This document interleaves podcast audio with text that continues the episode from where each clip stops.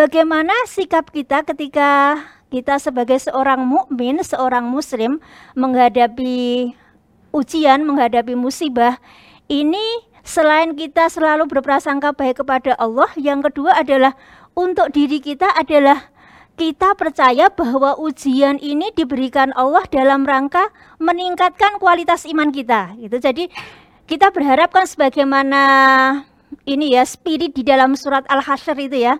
Surat Al-Hasyr ayat 18 yang uh, bahwa masa lalu itu adalah sebagai pijakan kita untuk menciptakan masa depan yang lebih baik gitu ya. Wal tandur nafsu makot hamat liwat gitu ya.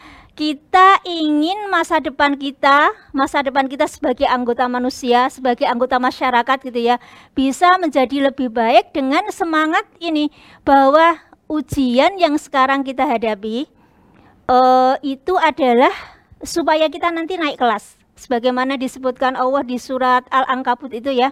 Surat ke-29 ayat 1 sampai 3 kalau tidak salah ya. A'udzubillahi minasyaitonirrajim. Bismillahirrahmanirrahim. Alif lam mim.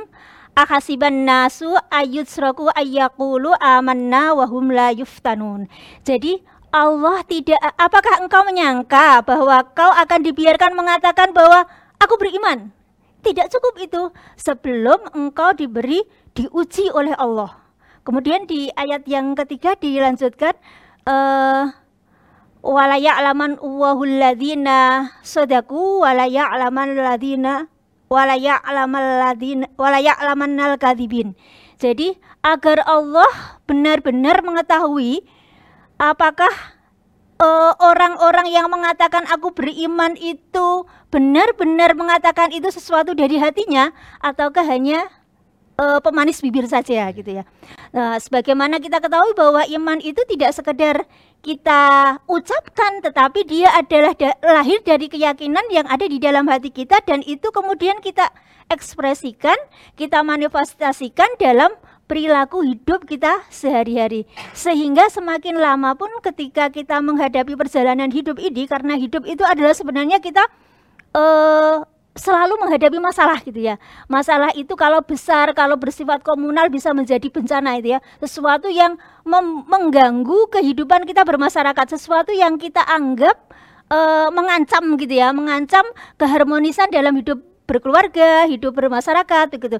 Jadi kita berharap uh, misalkan saat kemarin menghadapi pandemi itu ya ketika menghadapi pandemi akhirnya kita bisa belajar bahwa uh, apa pun itu yang terjadi kita harus siap. Meskipun kemudian sebelumnya kita tidak pernah memperkirakan ya harus belajar dari rumah, harus bekerja dari rumah, harus manusia sebagai makhluk sosial yang ber, biasa berinteraksi dengan orang lain mendapatkan pengalaman harus membatasi diri dengan berinteraksi dengan orang lain. Ini suatu pengalaman yang luar biasa. Sehingga kemudian ke depan jika sesuatu terjadi yang lebih besar insya Allah akan lebih siap begitu ya